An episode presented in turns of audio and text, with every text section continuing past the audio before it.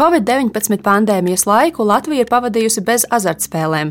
Nepilnus trīs mēnešus ir bijis aizliegts spēlēt gan kazino un spēļu zālēs, gan internetā. Taču tas nenozīmē, ka cilvēki to nav darījuši. Pa šo laiku ir sakuplojis nelegālais bizness tiešsaistē, kas Latvijā nodokļus nemaksā un galvas sāpes sagādāja vēl pirms pandēmijas. Kāpēc valstī neizdodas ar to tikt galā, un vai pēc pandēmijas dīkstāves spēļu ēlas joprojām vilinās uz gandrīz katra ielas stūra, par to nākamajā pusstundā raidījumā Atvērtie faili. Pirmā daļa - kur dabūt naudu? Es ceru, no tā visa, ko pastāstīju, sanāks kaut kas, biju sastresojies. Šādu ziņu pēc sarunas saņēmu no Jāņa. Savu uzvārdu atklāt viņš nevēlas. Mūsu tikšanās dienā Jānis atzīmēja gadu un deviņus mēnešus, kopš nav savu kāju spēris laimētavā. Nelaimīgā afēra ilga 12 gadus. Atceros, kad bija vēl 16 gadiem. Un, uh, es nezinu, sauc ciemu uz ciemu vai pilsētu, vai ko labi, tādi balvi bijām. Un, uh, nu, kā jau visi jaunieši, bija arī pilngadīgie, kas draugi un visi braucam uz balviem. Balvos būs ko darīt. Un bija tāds admirāļu klubs, ka nu, nevienam ne dokumentus prasīja, neko tur bija pilnīgi vienalga. Tur varēja, tur tie skaitājumi aparāti bija, tur varēja pa 5 centīmiem, pa 10 mēs tiešām, un tie arī centīmi var šķiet ārā. Tas bija tās pirmās reizes, ar ko sākās.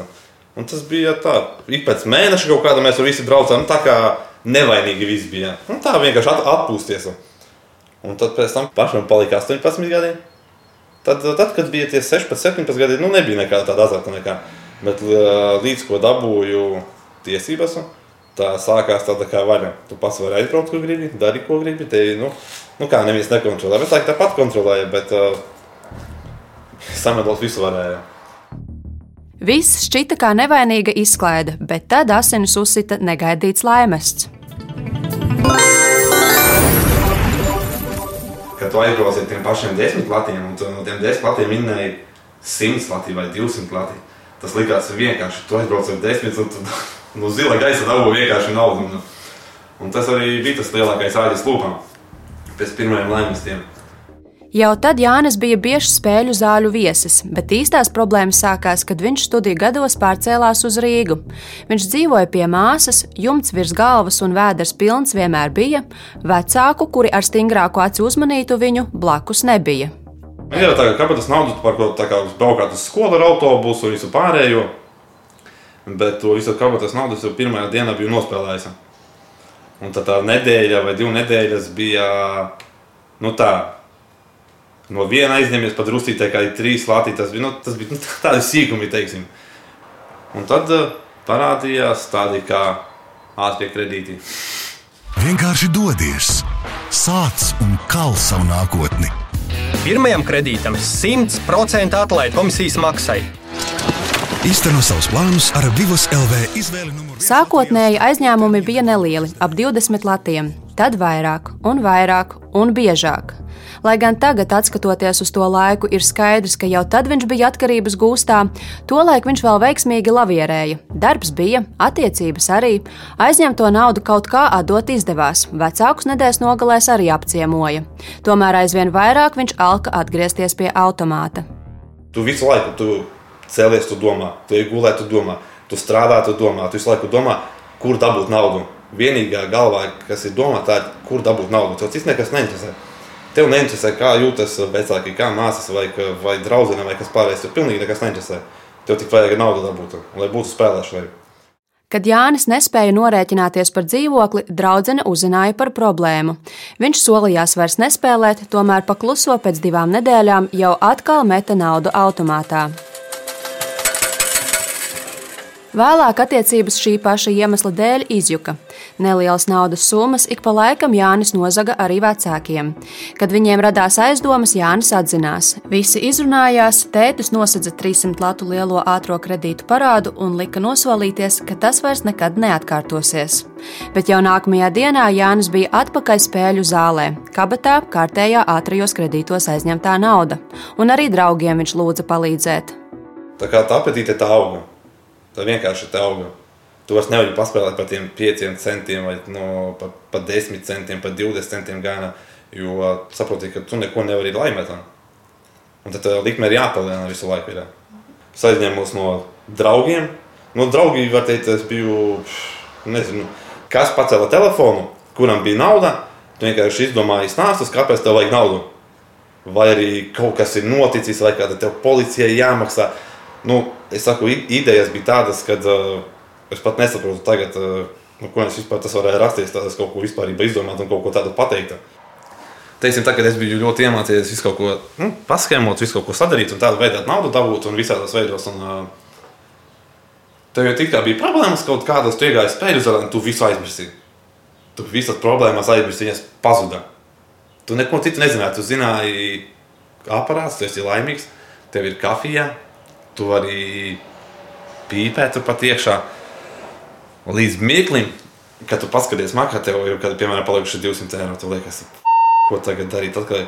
Un tajā mirklī, kad saproti, ka te ir naudas beigām, ja tev otra puse galvas jau domā, kur dabūt nākošo naudu tev iet kaut kāds spēlē tos aparātus, spēlē, un jau telefonā meklē, kur, no kuriem draugiem tu vari aizņemties naudu, ko tev kredītā ātrāk var iedot tev naudu visu pārējo.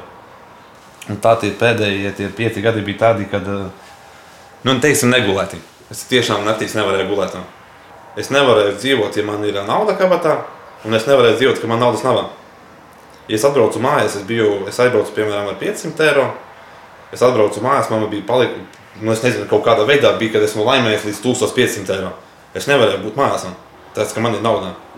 Jā, iet spēlēt. Jā. Tā viss turpinājās līdz dienai, kad Jāņa māsa uzzināja, ka viņam ir nopietnas problēmas, un nu jau spēļu zālēs viņš bija teju katru dienu. 300 līdz 500 eiro aizņēmumi vienlaikus paņemti 14 dažādos ātrajos kredītos, un vēl vairāk viņš ir parādā draugiem, paziņām. Nu, tu visu laiku melo visiem. Ja cik cik viegli sajūta, ka tu vari pateikt kādam beidzot taisnību, ka tev nav tas jātur viss sevi iekšā. Un tas bija tāds uh, izraudāšanās diena ritīgākā. un, teiks, un pēc tā viss tas liekas tāda kā, nu, nu kontrole kaut kādā. Nu, es, nu, kaut kādu nu, pusgadu ap, apmēram bija tā, kad, uh, kur tu esi, ko tu dari, tā kā ne, neuzskatošie jautājumi ir. Un, Saruna ar māsu notika 2018. gada 30. jūlijā.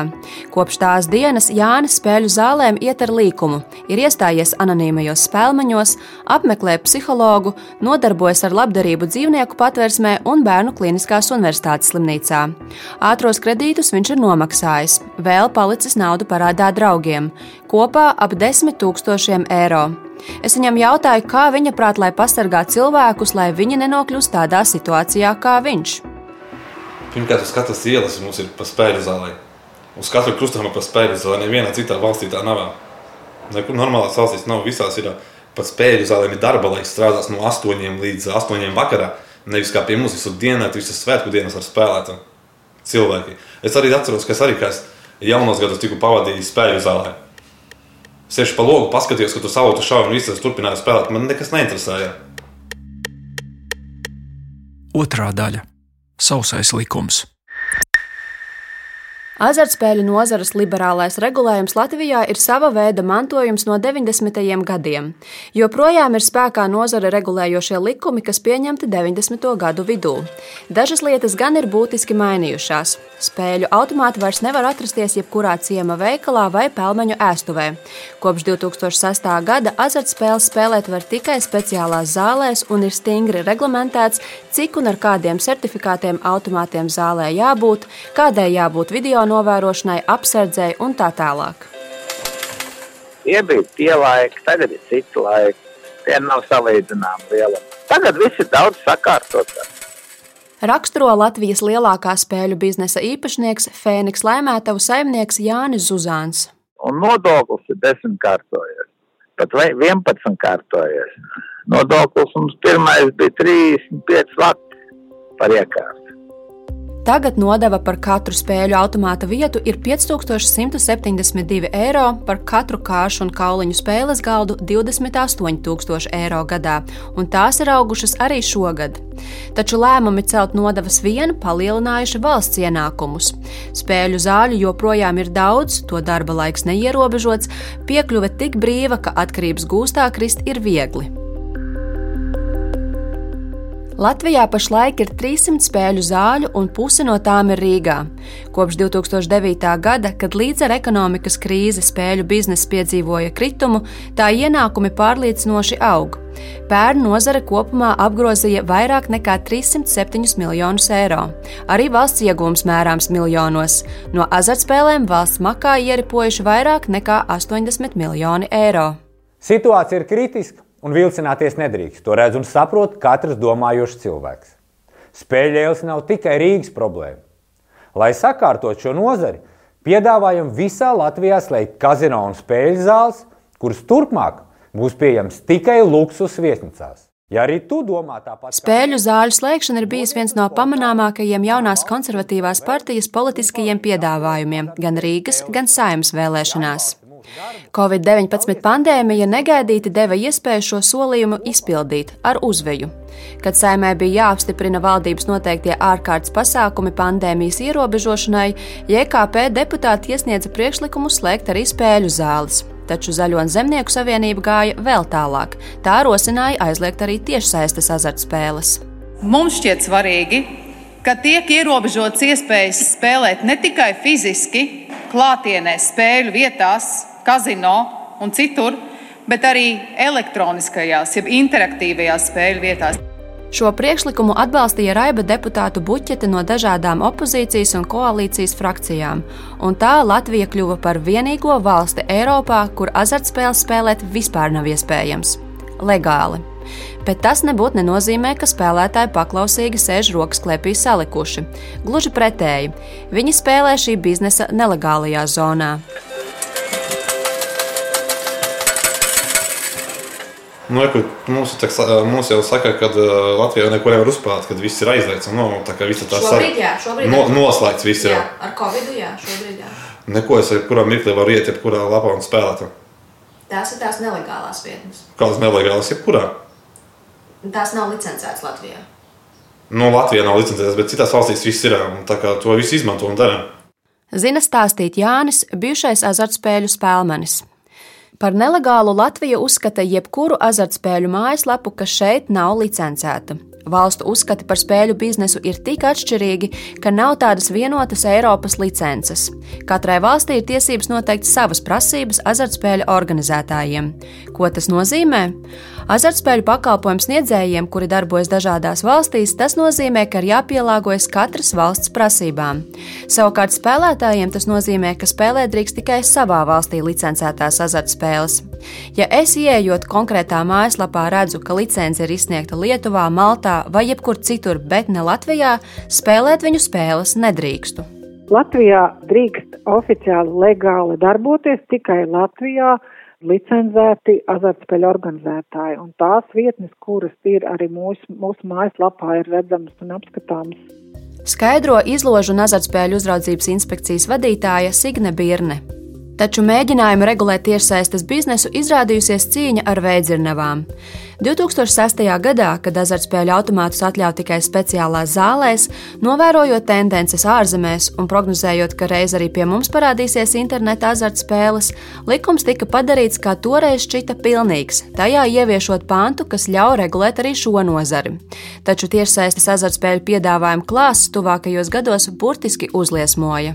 Nu, jā, šobrīd ar, ar tehnoloģijām, protams, cilvēkiem ir iespējas daudz vairāk izpausties un, un ir dažādi sarežģījumi, lai, lai to varētu maksimāli ierobežot. Tiek lēsts, ka pērn nelegālais interaktīvo azartspēļu tirgus veidoja vairāk nekā trešdaļu no kopējā tirgus, ar 33 miljonu eiro lielu tirgus daļu. Pašreizējos apstākļos, kad valsts apturējusi visus licencētos interaktīvo azartspēļu operatorus, nelicencētie turpina darboties ar lielāku jaudu. 2019. gadā tika bloķēti 68 domēna vārdi. Tad 2020. gadā šobrīd, faktiski 5 mēnešu laikā, ir jau 226 lēmumi, un tie ir attiecināti uz 232 domēnu vārdiem. Par situāciju sašutuši licencētie komersanti, un taisnības meklējumos satversmes tiesā un administratīvajā rajona tiesā kopumā vērsušies četri uzņēmumi. Viens no tiem ir Baltijā lielākais tiešsaistes azartspēļu pakalpojums sniedzējs OptiBet. Mēs bijām gatavi tam, ka būs jāizslēdz mūsu iekšzemes operācijas, bet nu, pilnīgi nebijām gatavi tam, ka, ka viena no, no, no kaut kādām darbībām cīņa pret vīrusu var būt mūsu tiešsaistes operāciju slēgšanā. Kā, tā, tas, bija, tas bija tiešām nu, tāds uh, slikts pārsteigums. Tā saka optibet vadītājs Baltijā Dainis Niedra. Apmēram 10% no optibet pakalpojumiem ir likmju pieņemšanas punkti, pārējais tiešsaistes bizness. Niedra lēš, ka pēc pandēmijas viņu interneta bizness būs sarucis.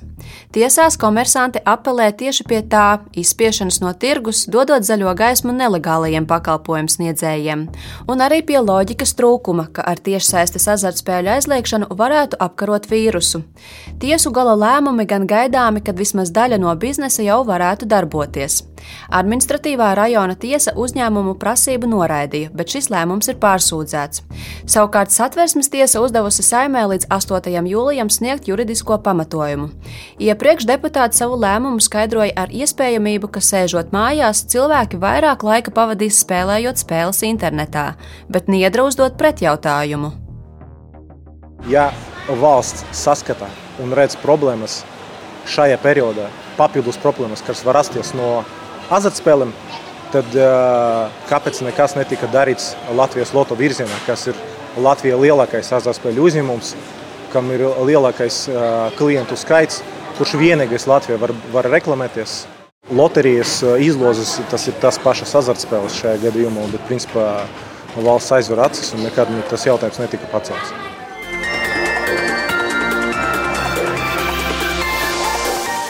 Kādēļ neaizliedza Latvijas loto? To jautāja Saimnes budžeta un finanšu komisijas vadītājam Mārtiņam Bondaram. Nezinu. Es, es patiešām nezinu. Nu, tur, kā teikt, tāpēc, ka viņi neuzskata to par azartspēli, tie, kas ir šie kvēlie azartspēļu apkarotāji, uzskata, ka, ka Latvijas loto tā ir izklaides forma, kas nav saistīta ar azartu. Apvienībā attīstībai par Bondars pārstāv partiju Latvijas attīstībai, kas iepriekš izrādījusi labvēlību azartspēļu biznesam. Rīgas domē tā neatbalstīja lēmumu par spēļu zāļu aizliekšanu pilsētas vēsturiskajā centrā.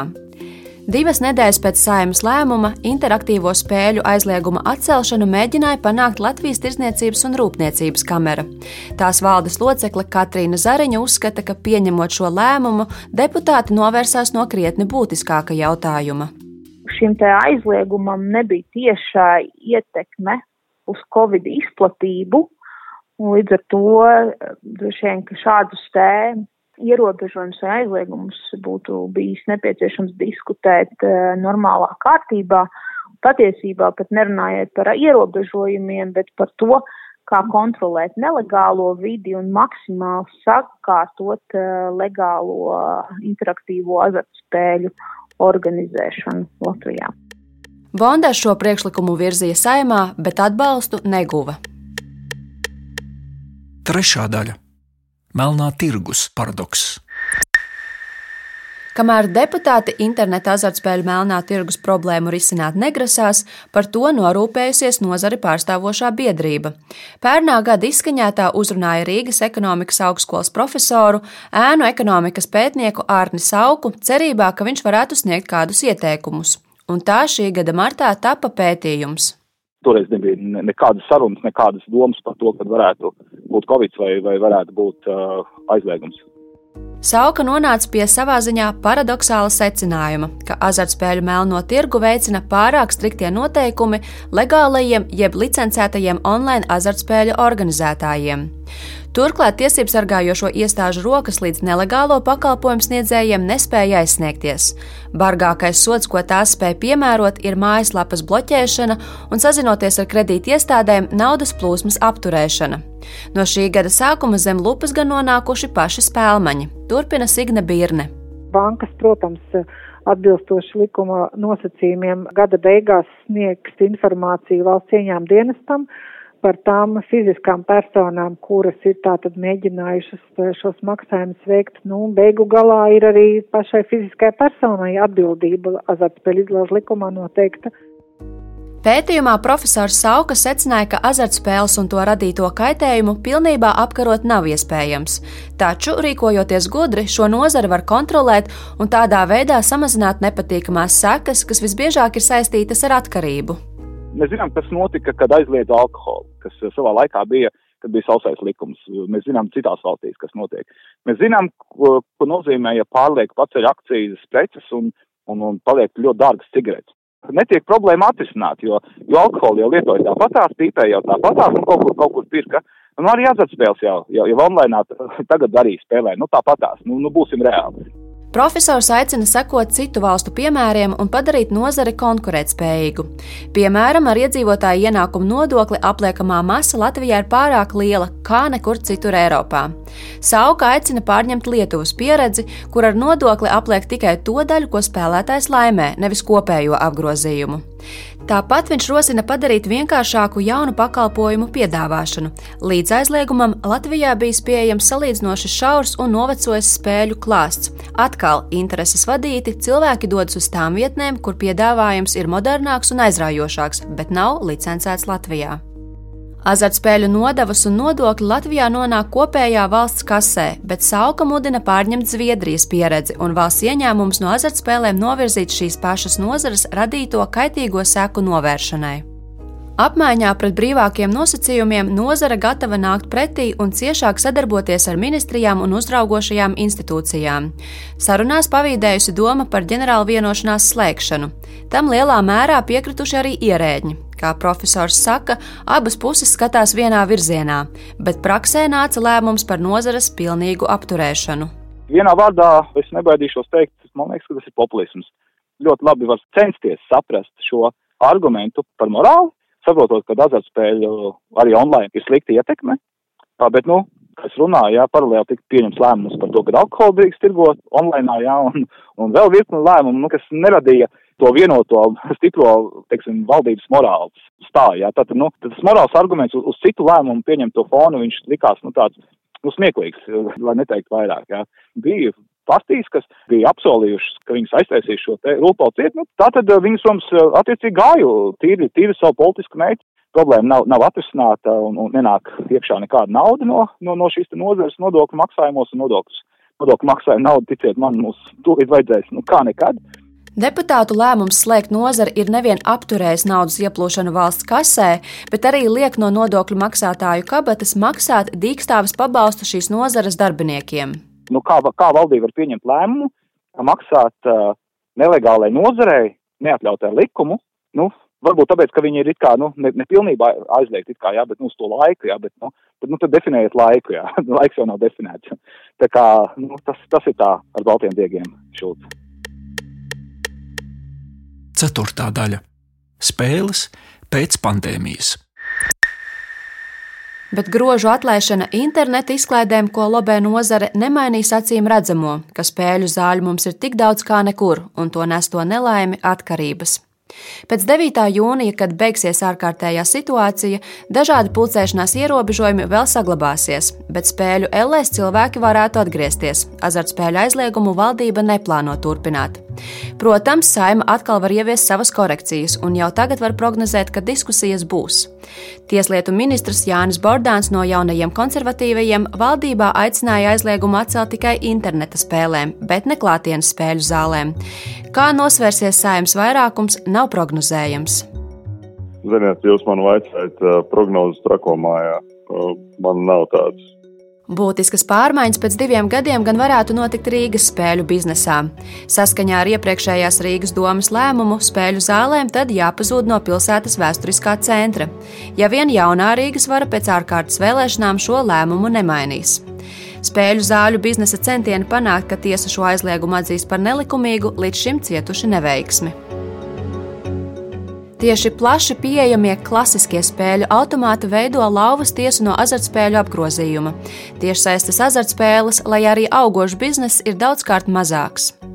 Fēniks laimētavu īpašnieks Jānis Zuzāns prognozē, ka pēc ārkārtējās situācijas viņa spēļu zāļu būs vismaz par 10% mazāk. Daļa no tām atrodas Rīgas vēsturiskajā centrā, un pēc laika tāpat būtu jātaisa ciet. Citas ir pārāk mazas, lai atmaksātos pēc automātu izratināšanas, pielāgojoties epidemioloģiskajiem noteikumiem par divu metru distanci. Biznesa slēgšanas dēļ Zuzāns apturēja savu dāsno atbalstu kultūrai un mākslai. Sabiedrībā tas izraisīs neviennozīmīgu reakciju, taču Zuzāns noliedz, ka tā ir kājas pieciešana pēc viņam nepatīkamā politiķu balsojuma.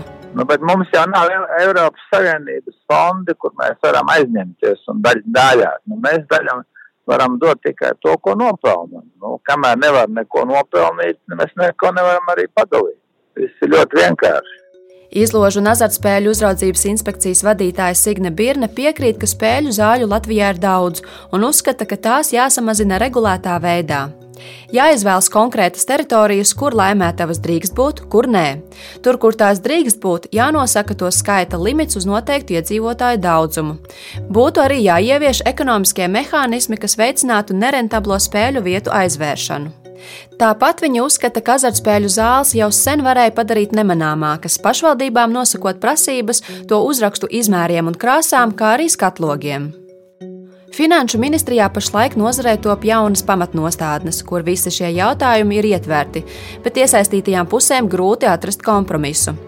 Azartspēļu biznesa par morāli galvu nelauza. Tas uzskata, ka piedāvā izklaides pieaugušiem cilvēkiem, un viņiem pašiem arī ir jāatbild par to, lai neieslīgtu atkarībās. Starp citu, nozarei var nākties piedzīvot vēl vienu skandālu. Finanšu izlūkošanas dienesta vadītāja Ilza Znotiņa šo pavasaru paziņoja, ka dienests uzgājis uz pēdām noziedzīgi iegūtas naudas legalizācijai azartspēļu sektorā. Izmeklēšanu turpina tiesības sargājošās iestādes.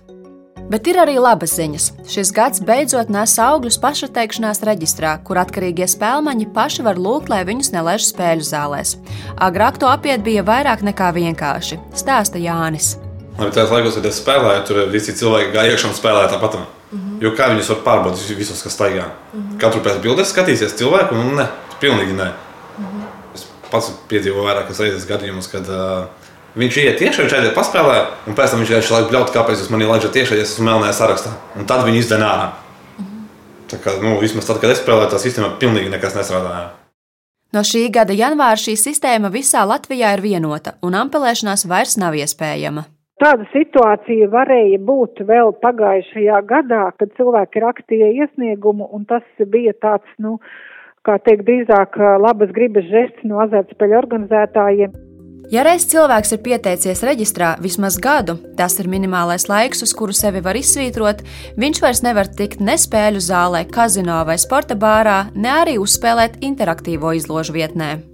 Šobrīd uh, reģistrā ir uh, 6760 reģistrētas personas. Es gribu teikt, ka tas ir, manuprāt, ļoti daudz, ņemot vērā, ka faktiski no, no 22. marta visas eh, azartspēļu vietas ir cietas. Raidījumu sagatavoja Danuta Juste, Anita Brauna un Reinis Budze. Klausieties mūs arī populārākajās podkāstu platformās. Atvērtie faili!